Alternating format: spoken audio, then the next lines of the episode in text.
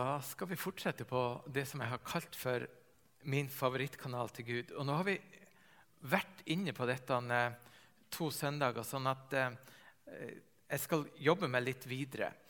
Eh, men som et utgangspunkt så er det viktig å få med oss dette at Gud taler i alle kanaler.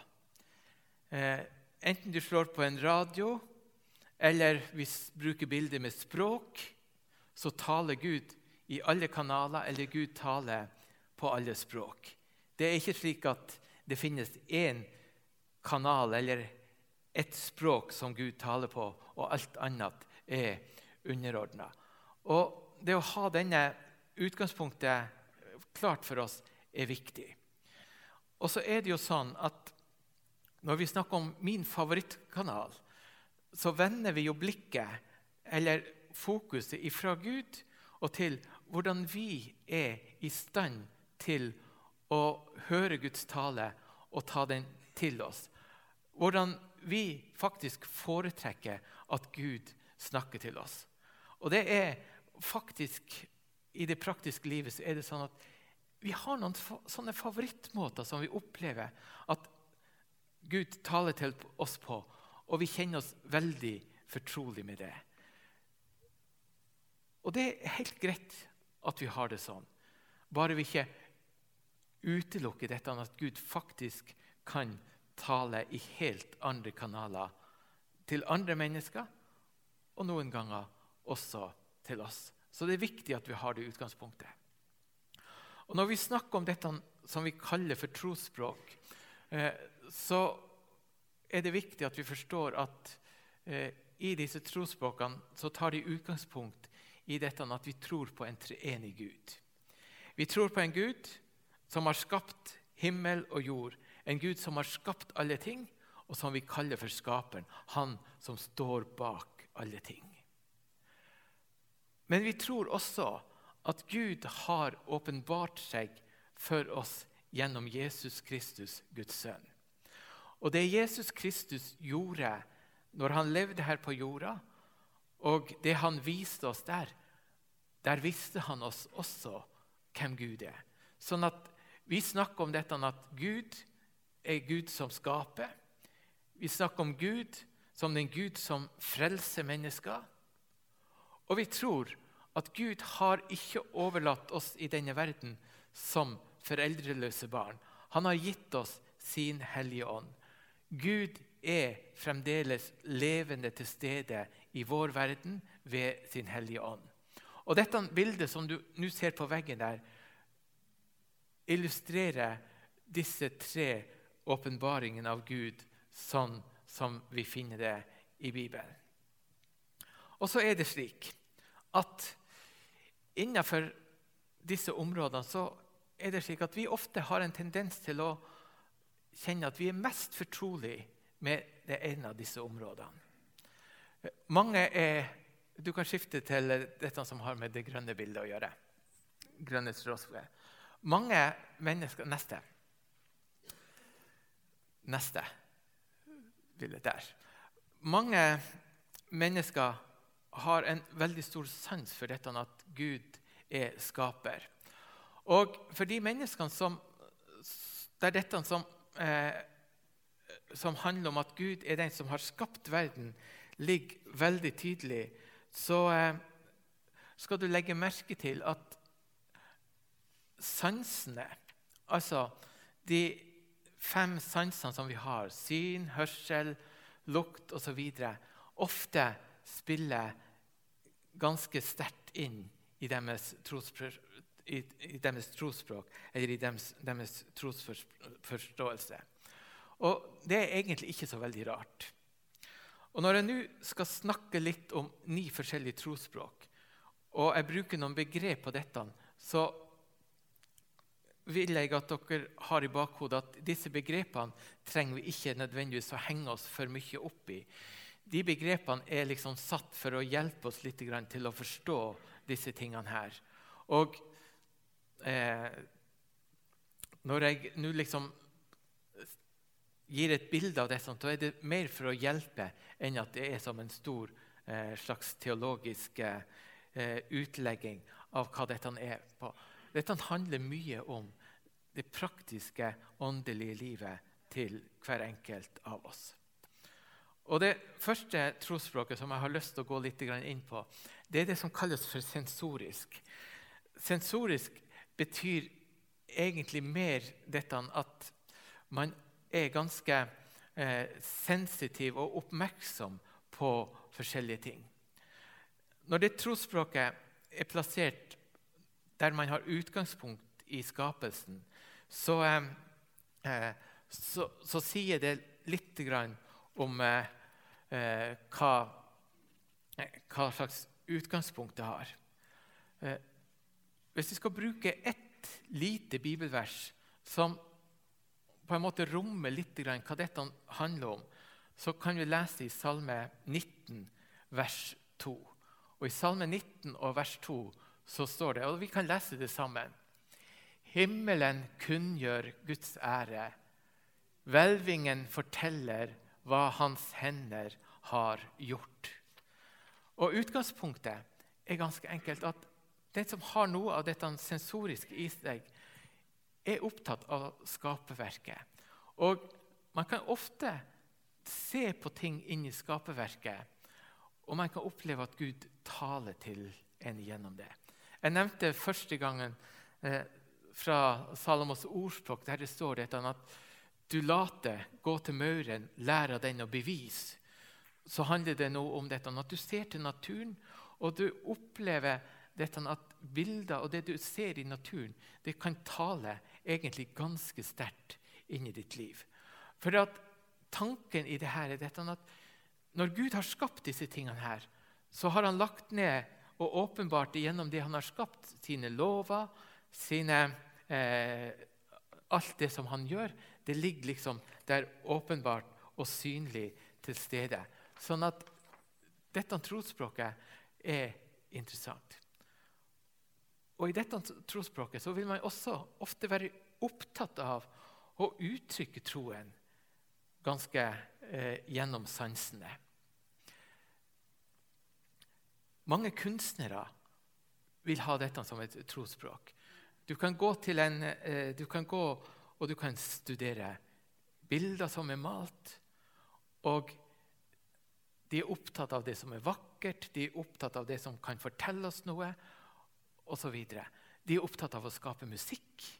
Og de er opptatt av dette at musikken den skal på en måte få fram dette som har med Gud å gjøre.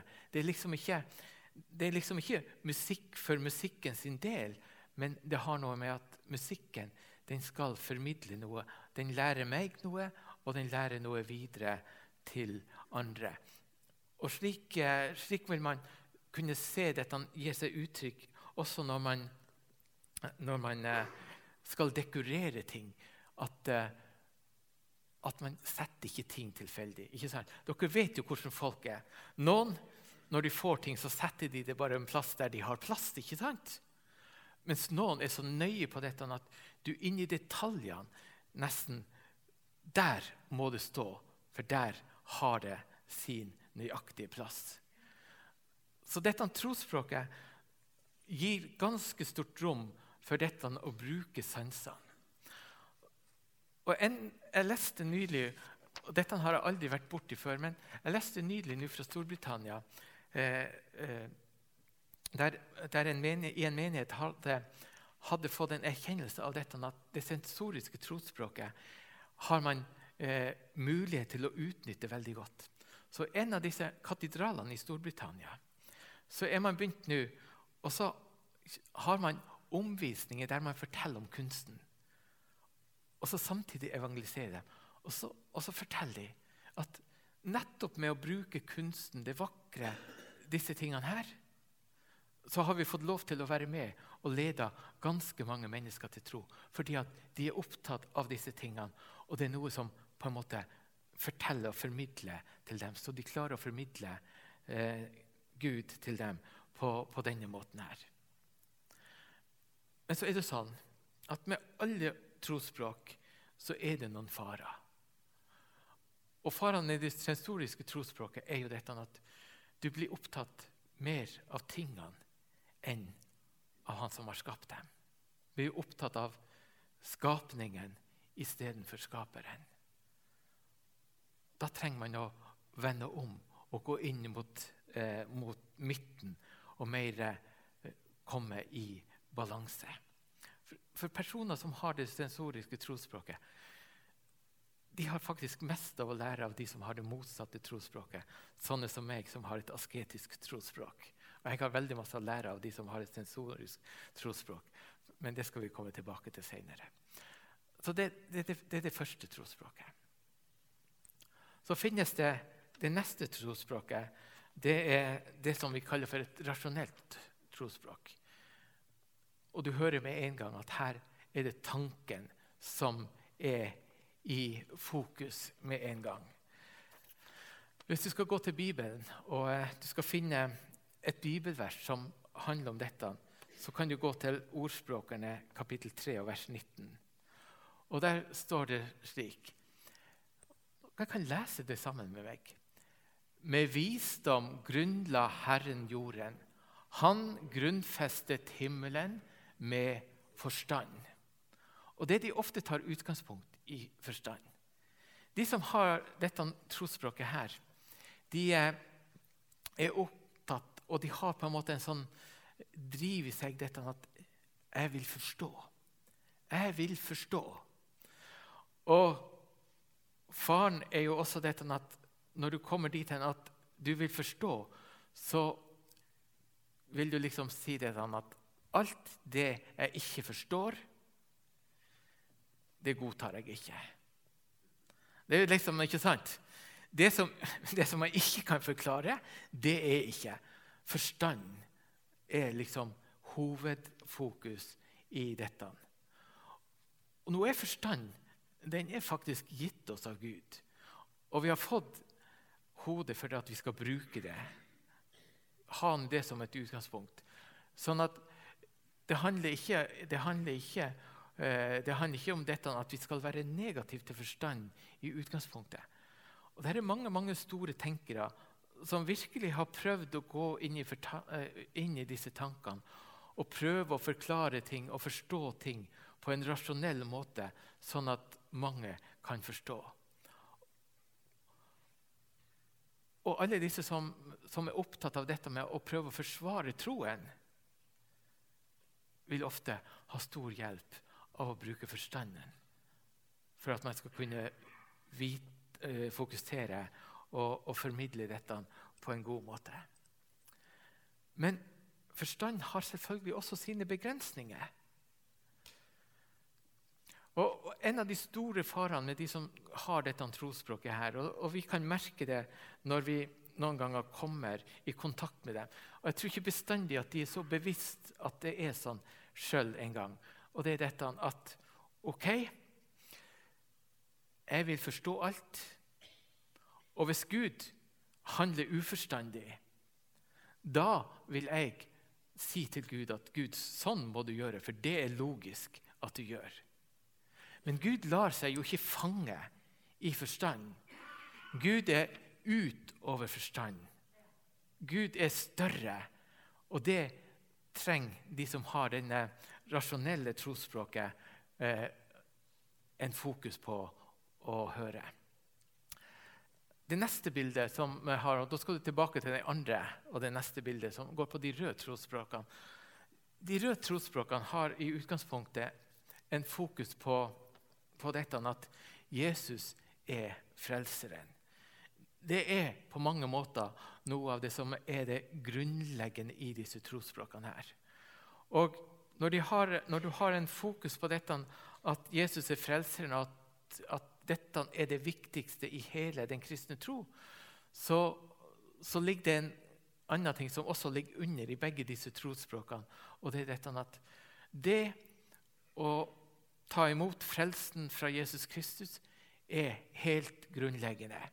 Og det er like grunnleggende at den frelsen som jeg sjøl har tatt imot, den må jeg prøve å få alle de som er rundt meg, også til å ta imot. Og du hører jo dette, at dette er en god kristen tanke. De to eh, trosspråkene som finnes, eh, som finnes innenfor eh, innenfor den røde sektoren. Det ene er da det er bibel, eh, bibelmotiverte, eller det skriftdrevne, som det heter på engelsk. Eh, og Det er kanskje det letteste trosspråket å forklare til alle. Fordi at man har en sånn fokus på Jesu frelsesverk, og man har en sånn fokus på Bibelen at man leser Bibelen, man studerer Bibelen, og man opplever dette at Gud han taler til meg gjennom Bibelen. Og, og Faren i dette er ofte at man rett og slett kan utelukke å si til et annet Ja, men eh, Du kan spørre en som har et skriftmotivert eh, eh, trosspråk. Kan Gud tale ut, utenfor Bibelen? Så vil jeg si nei, hvis jeg ikke finner på en måte dette nevnt i Bibelen, da er vi nødt til å forkaste det. Altså, Man blir veldig veldig opptatt av hva Skriften sier, og man kjenner Skriften veldig godt osv. Men man har en tendens til noen ganger å utelukke, uh, utelukke uh, de tingene som Skriften ikke sier noe om. Man er ikke villig til å gå inn i det. Hvis de skulle velge seg et skriftsted i Bibelen som, uh, som de ville sagt liksom var toneangivende for dem, så ville de valgt Kolossebrevet kapittel 3 vers 16.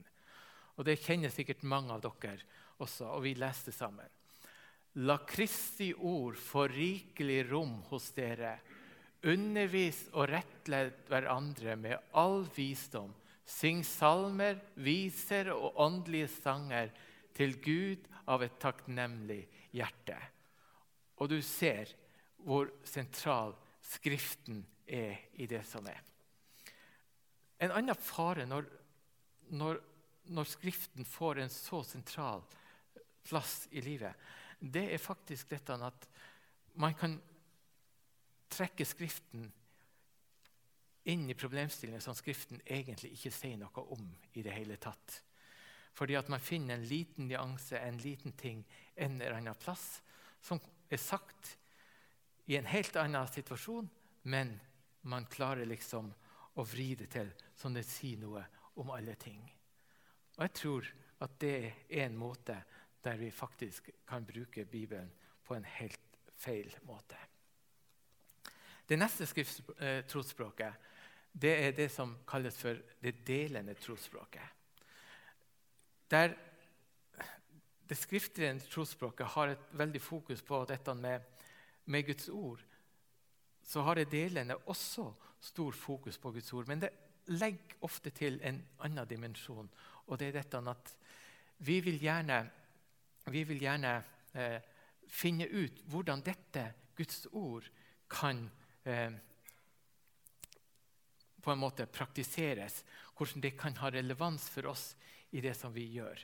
Og ikke minst det som jeg har fått, det må jeg dele til andre personer som har dette eh, trosspråket her, de vil ha veldig lett for å snakke om dette med troen med andre mennesker. Eh, de opplever stadig noe med Gud, og de forteller stadig hva de har opplevd med Gud. Altså, for dem er det veldig lett. Evangelister, eh, eller de som har evangelistens nådegave, kan ofte ha akkurat dette trosspråket her. For de vil dele med hverandre, og de er opptatt av akkurat det. Og Skal det være et bibelvers som understreker akkurat det, så kan vi gå til 2. Korinterbrev 5.20. For det, det, sier noe om hva som er drivkraften også der. Og vi leser igjen. Så er vi da utsendinger for Kristus, og det er Gud selv som formaner gjennom oss. Vi ber dere på Kristi vegne, la dere forsone med Gud. Ja forlike var det gamle. Fordi at Målet deres er jo hele tida dette at mennesker skal komme inn i den samme relasjonen til Jesus som de sjøl har. Og de, de, deler av det, og de deler villig, villig vekk av akkurat det. En av bakdelene med akkurat dette trosspråket her er dette at de har en liten forståelse for alt det som ikke i utgangspunktet har med at man skal dele troen med andre osv. De vil eh, i utgangspunktet være ganske negative til, eh, til ting som gjøres som ikke har akkurat det fokuset. Eh, gudstjenester som er gudstjenester mer for oppbyggelse eller for å lære, er liksom ikke det samme for dem som en gudstjeneste som har med dette å og skal lede mennesker til omvendelse og tro på, på, andre. Og Ofte vil de tenke at alt det som har med eh, ritualer, ting som gjentar seg, og sånne ting, så vil de tenke at dette er ikke levende, det er ikke ekte. dette. Hvis vi nå går videre og vi får med den blå sida som har med Den hellige ånd å gjøre, så det kommer opp et bilde. han, han Tore har det. Så finnes det også tros, to trosspråk innenfor den sida der. Og der vi er opptatt, eh, der, der, man har en veldig fokus på Den hellige ånd, eh, så skal, man, eh, så skal du være oppmerksom på at fokuset er mye dette at Gud er en Gud som ikke har glemt verden. Gud er en Gud som handler i verden. Og det han gjorde før, det kan han gjøre i dag. Gud kan gripe inn på overnaturlig måte og gjøre ting som absolutt ingen kan. Og Det andre tinget som er så typisk for disse blå trosspråkene, er at de har en veldig fokus på dette med det individuelle. Altså, Det handler mye om hvordan jeg opplever Gud, og hvordan jeg eh, har en relasjon eh, til Gud. Og, og, Det første av disse trosspråkene kalles for entusiastisk. Og det er sikkert noen av dere som tenker ja, ja, nå snakker vi om pinsevenner og karismatikere. Eh, men sannheten er faktisk dette at hvis du går i pinsemenighet, eh, så har de en entusiastisk stil noen ganger. Men de har ikke bestandig et entusiastisk trosspråk som, som menighet. Det, det, er en, det, er en, det, er et skille i de tingene her. Men det entusiastiske trosspråket eh, det har ett eh, vers som på mange måter sammenfatter det. og Det er fra 2. Korinterbrev, kapittel 4, vers 20. Det kommer opp, så vi skal lese det. Og dere skjønner det. For Guds rike består ikke ord, men i kraft. Guds rike består ikke i ord, men det består i kraft. Og Det handler om dette med den fokusen som har med at Gud han griper inn i dag. Og eh, Gud kan gjøre ting som vi mennesker ikke kan forstå eller forklare. Og han kan gjøre ting i vårt indre. Han kan tale i vårt indre til oss. Og Veldig ofte så har dette entusiastiske trosspråket det har en, en tendens til å, å, eh, å vektlegge følelsene veldig mye. Eh, og Det kan være både en fordel, men det kan også være en svakhet. For når vi vektlegger følelsene for mye, så kan vi også bli på en måte bortleda eh, på den måten at når følelsene ikke er der, da er Gud borte. Men det er jo dårlig teologi at Gud blir borte når følelsene ikke er der. Det er selvfølgelig flott når følelsene er der. Men når de vanskelige følelsene kommer, så er det ikke sånn at Gud forlater oss. Han sier jo i sitt ord 'Jeg vil ingenlunde slippe deg og aldri forlate deg'. Sånn at det entusiastiske trosspråket, med den vekten de legger på følelser, har noen ganger en tendens til at de får en sånn berg-og-dal-bane eh, åndelig liv eh, som de kan slite litt med. Det andre trosspråket innenfor denne blå sektoren som har med Den hellige ånd å gjøre, det er det som vi kaller for mystisk. Og når, nu, når jeg nå bruker ordet mystisk, så er, eh, så er, det kanskje et ord som vekker litt andre tanker enn det egentlig bør. Men det er dette med å oversette ting til norsk som, eh, som er en utfordring å finne noen dekkende ord. Men der det, entusiastiske trosspråket er veldig utadvendt, eh, og følelsene ligger innpå, så er eh, det mystiske trosspråket mye mer innadvendt. Det er opptatt av at dette at Gud taler i mitt indre. Gud taler til meg i mitt indre. Eh, mange som er glad i dette med stillhet og retreat, vil ofte kunne ha et, eh, et, eh, mystisk trosspråk. Og Det handler om dette at du har en bevissthet om at Gud er levende, at Gud taler, og Gud taler inn i min situasjon. Og jeg klarer å ta det til meg. Det er flott når mennesker har dette trosspråket, og de lever med det. Men så er det én ting som er en fare både i det mystiske trosspråket og til dels det entusiastiske trosspråket, er dette at man blir så negativ til det som er objektivt. Man stiller ikke bestandig spørsmål til om det er sant. Gud har vist meg, og dette har Gud vist meg, og dette er kjært.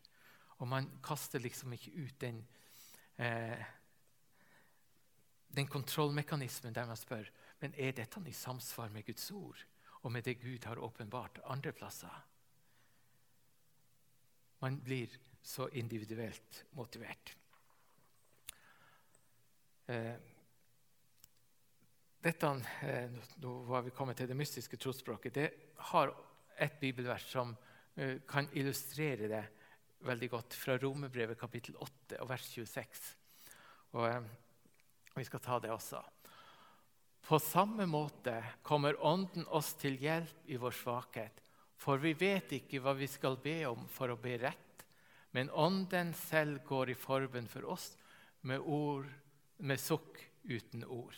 Altså, Det er på en måte det, det indre som har et veldig stort fokus.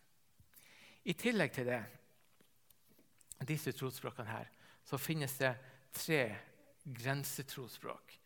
Eh, vil si at de står litt imellom enten dette med Gud som skaper og Gud som frelser, eller mellom dette med Gud som frelser og Den hellige ånd, eller mellom Den hellige ånd og Gud som skaper.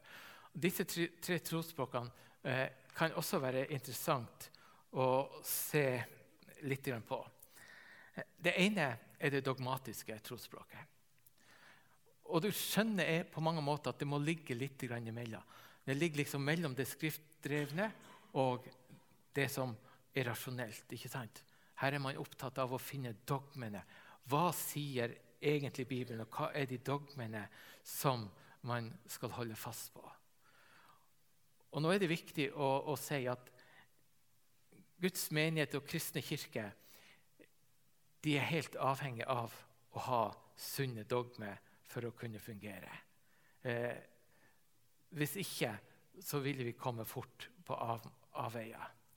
Men når fokus på dogmene blir så sterk at det viktigste blir dogmene, og ikke den personlige relasjonen til Jesus Kristus, så kan dette med dogmene være negativ. Eller når dogmene blir så fasttømra at den ikke gir rom for menneskelig erfaring, der de tingene brytes imot hverandre, så blir det vanskelig. Og det dogmatiske sliter med akkurat det. Der har de også et skriftord, og vi tenker at det passer veldig godt på det. Pass på, står det. Eh, neste. Pass på at ingen får fange dere med visdomslære og tomt bedrag som stammer fra menneskelige overleveringer og grunnkreftene i verdenen, og ikke fra Kristus. Igjen bli ikke så fornuftig at du ikke liksom klarer å holde fokus på det som er rett. Det neste trosspråket som ligger mellom rødt og blått, det er mitt trosspråk. Det er det asketiske. Det asketiske trosspråket er på mange måter egentlig veldig enkelt å forholde seg til for, for meg som har det. Og det er, ganske, det er fordi at det asketiske trosspråket er på en måte veldig innadvendt. Altså, det er opptatt av å søke innover. Eh, I utgangspunktet så så, så, er det asketiske trosspråket det er opptatt av det som er enkelt, det som er rent, og det som er godt for alle. Så en med det asketiske trosspråket har ingen problemer med å gjøre sånn som man gjør i Frelsesarmeen, å gå inn i uka med selvfornektelse. Altså, det er den mest naturlige ting i verden å fornekte seg sjøl. Eh, fordi at det ligger i det trosspråket man har. Og man kan gjøre utrolig mye for andre mennesker når du har dette trosspråket her. Et bibelvers som på en måte eh, understreker hva dette er, er fra 1. Korinterbrev, kapittel 9, vers 27. Når jeg kjemper med meg selv og bringer kroppen til å lystre, for at ikke jeg som har forkynt for andre, selv skal komme til kort. Man stiller høye krav til seg sjøl. Ligger i dette. Og jeg, jo, jeg har veldig mye å lære av ikke minst det sensoriske språket og det rasjonelle trosspråket. For det sensoriske kan jo sette pris på det Gud har skapt.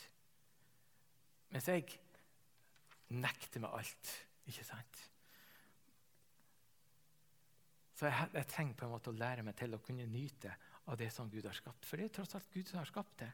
Og vi har lov til å nyte av det også. Og jeg som stiller høye krav med meg sjøl, vil alltid ha en utfordring i dette med at jeg kan stille like høye krav til alle andre. Og Hvis ikke jeg klarer å jobbe nok med meg sjøl, sånn at mine holdninger til de kravene jeg stiller til meg sjøl, eh, blir overført til alle andre, så tror jeg det blir ganske ubehagelig å være i nærheten av meg. For man vil føle seg ganske fordømt. Fordi at man når ikke opp.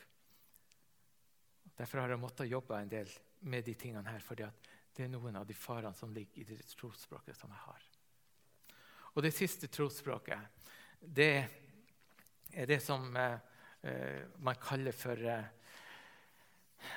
Noen kaller det, eh, man kaller det egentlig for symbolbasert. Eh, noen eh, egentlig også mer litt mot dette med ritualer. Men men her, her, har du en forståelse av, av dette at symbolene hjelper oss til å holde fast med å forstå. En som har dette symbolbaserte eh, trosspråket, vil f.eks. kunne ha en veldig stor eh, forståelse for dette som har med nattvær å gjøre. Fordi at, fordi at når du tar imot og du får det liksom konkret i handa, brød og vin, så blir liksom troen ikke bare noe sånn flytende, men det blir noe håndfast i det. Når, når man bruker vann, ikke sant, f.eks. ved dåp, så er det et fantastisk symbol. Det er noe konkret som hjelper en til å holde fast ved troen. Og mange innenfor dette området her vil være utrolig glad i liturgier og de tingene som gjentar seg, som er fast. Egentlig så tror jeg at som menighet så hadde vi hatt veldig godt av å ha noen av disse som har dette trosspråket hos oss. Som leter fram de skrevne, de gode bønnene, og som leser de opp, og som leser de opp med innlevelse. For at de har en forståelse av at de menneskene som har levd før oss, har klart å formidle noe av Guds storhet inn i skrevne ting. Og det må gjerne bringes videre og leve videre. Det er noe av det som er styrken i dette trosspråket. Og skal du ha et, eh, et skriftsted som illustrerer dette, så er det Johannes 1,14. Og det er det siste skriftstedet som vi har nå. Og ordet ble menneske og tok bolig blant oss. Og vi så hans herlighet, en herlighet den enbårne sønn har fra sin far, full av nåde og sannhet. Og legg merke til han, ble, han tok bolig blant oss, ble konkret for oss. Inkarnasjon er en viktig ting. Og selvfølgelig, i dette trosspråket og en, med et, et, entusiastisk trosspråk, eller et meddelende trosspråk, vil si om disse det er bare ritualer, det er død tro. Men for den som har det trosspråket, så er det slett ikke ritualer og død tro. Men for andre så vil det ofte te seg på den måten der. Og så lurer dere på Når jeg nå har gått gjennom disse trosspråkene og gitt dere litt av hva som ligger i hver enkelt av disse trosspråkene. Hvorfor gjør du det, og hva kan vi egentlig dra ut og lære av dette? Jeg gjør det fordi at jeg tror at Gud taler i alle kanaler. Jeg gjør det fordi at jeg tror at Gud taler på alle språk, og at Gud taler til oss mennesker på forskjellige måter. Og jeg gjør det i en erkjennelse av at vi som mennesker ofte er begrensa i vårt møte med Gud, der vi ofte finner noe som vi liksom foretrekker og blir trygge i, og der vi ofte opererer. Og det å kjenne til at slik er det, det er faktisk noe som er positivt for oss andre. Og Når vi utforsker vårt eget trosspråk, så kan vi også lære noe om dette. At også det trosspråket, den måten vi praktiserer troen på, eller opplever at troen blir levende for oss på, kan ha noen negative sider. Og ha bevissthet om det kan hjelpe oss. Men i dette så ligger det en kime. Og der ligger en kime i dette at vi faktisk kan utvide horisonten. Der vi faktisk kan åpne opp og si dette at, og, og, og, og forvente dette at Gud faktisk kan tale til oss også i andre kanaler. Nå tror jeg at fordi at Gud virkelig ønsker å komme i kontakt med oss mennesker, så gjør han alt det han kan for å nå fram til oss. Og er vi så i at vi bare har en kanal, ja, så tror jeg han bruker den kanalen. Men jeg tror at det er mye rikdom i dette å åpne opp. Og jeg tror at for ei menighet så er dette viktig. For da forstår vi dette at vi nærmer oss troen på forskjellige måter. Og det er ikke slik at den ene måten er bedre enn den andre. Den er mer åndelig eller uåndelig eller mer teologisk rett eller ikke. Men hvis vi åpner opp for rikdommen av dette, så tror jeg dette at det er muligheter for at flere av oss kan få lov til å fungere med vårt trosspråk og ikke undertrykke det. Fordi at vi tenker at noen andre trosspråk er så mye viktigere og mer fremtredende enn det som jeg har. Det jeg har, det er så lite å bidra med.